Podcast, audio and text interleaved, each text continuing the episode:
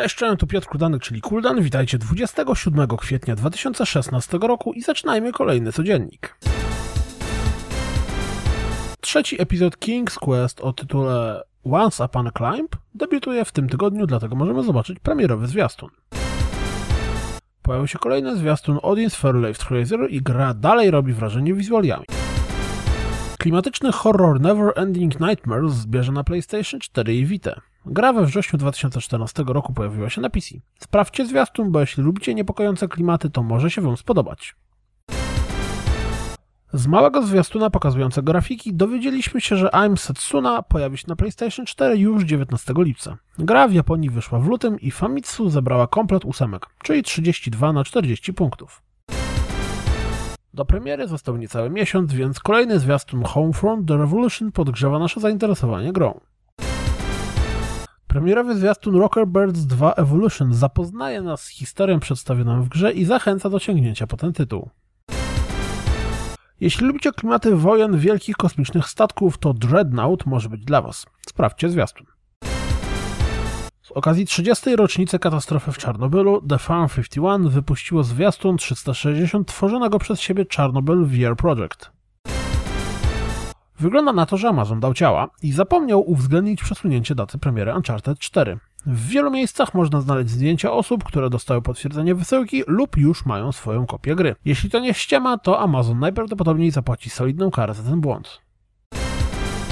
ESRB przydzieliło klasyfikację wiekową czemuś o nazwie Drive Club VR. Tytuł dość bezpośrednio wskazuje, czego możemy się spodziewać. Wygląda na to, że kolejna część Call of Duty będzie miała podtytuł Infinite Warfare. Jeśli chcecie sprawdzić Paragona, to warto zapisać się na listę na stronie gry. W najbliższy weekend do półotwartej bety dopuszczonych zostanie 500 tysięcy graczy, a między 5 i 8 maja wszyscy, którzy wyrażą taką chęć. Dowiedzieliśmy się, jakie gry będą dostępne w maju w ramach Games with Gold. Na Xboxie One będzie to Defense Grid 2 i Costume Quest 2, a na Xboxie 360 Peggle i Grid 2. Naughty Dog definitywnie zaprzeczyło jakimkolwiek szansom na powstanie kolejnego Jacka i Dextera, a obrazki, które jakiś czas temu rozpaliły nasze nadzieje, nazwali fanartami. Smuteczek. Zapowiedziano Nordgard, strategię o wikingach. Szczegółów brak, ale na stronie gry można zobaczyć kilka screenów. Jeśli macie Wii U lub 3DS-a, to koniecznie sprawdźcie nowy Humble Bundle, bo dotyczy tylko i wyłącznie gier na konsolę Nintendo. Jeśli lubicie zabawy z modami, a dodatkowo jesteście fanami Predatora, to mod dodający jego postać do XCOMa 2 może Wam sprawić trochę radości. Jeśli podobało Wam się Remember Me i zachwyciliście się Life is Strange, to koniecznie sprawdźcie tekst o Don't Not i ich nowej grze Vampire, który pojawił się na poligonie.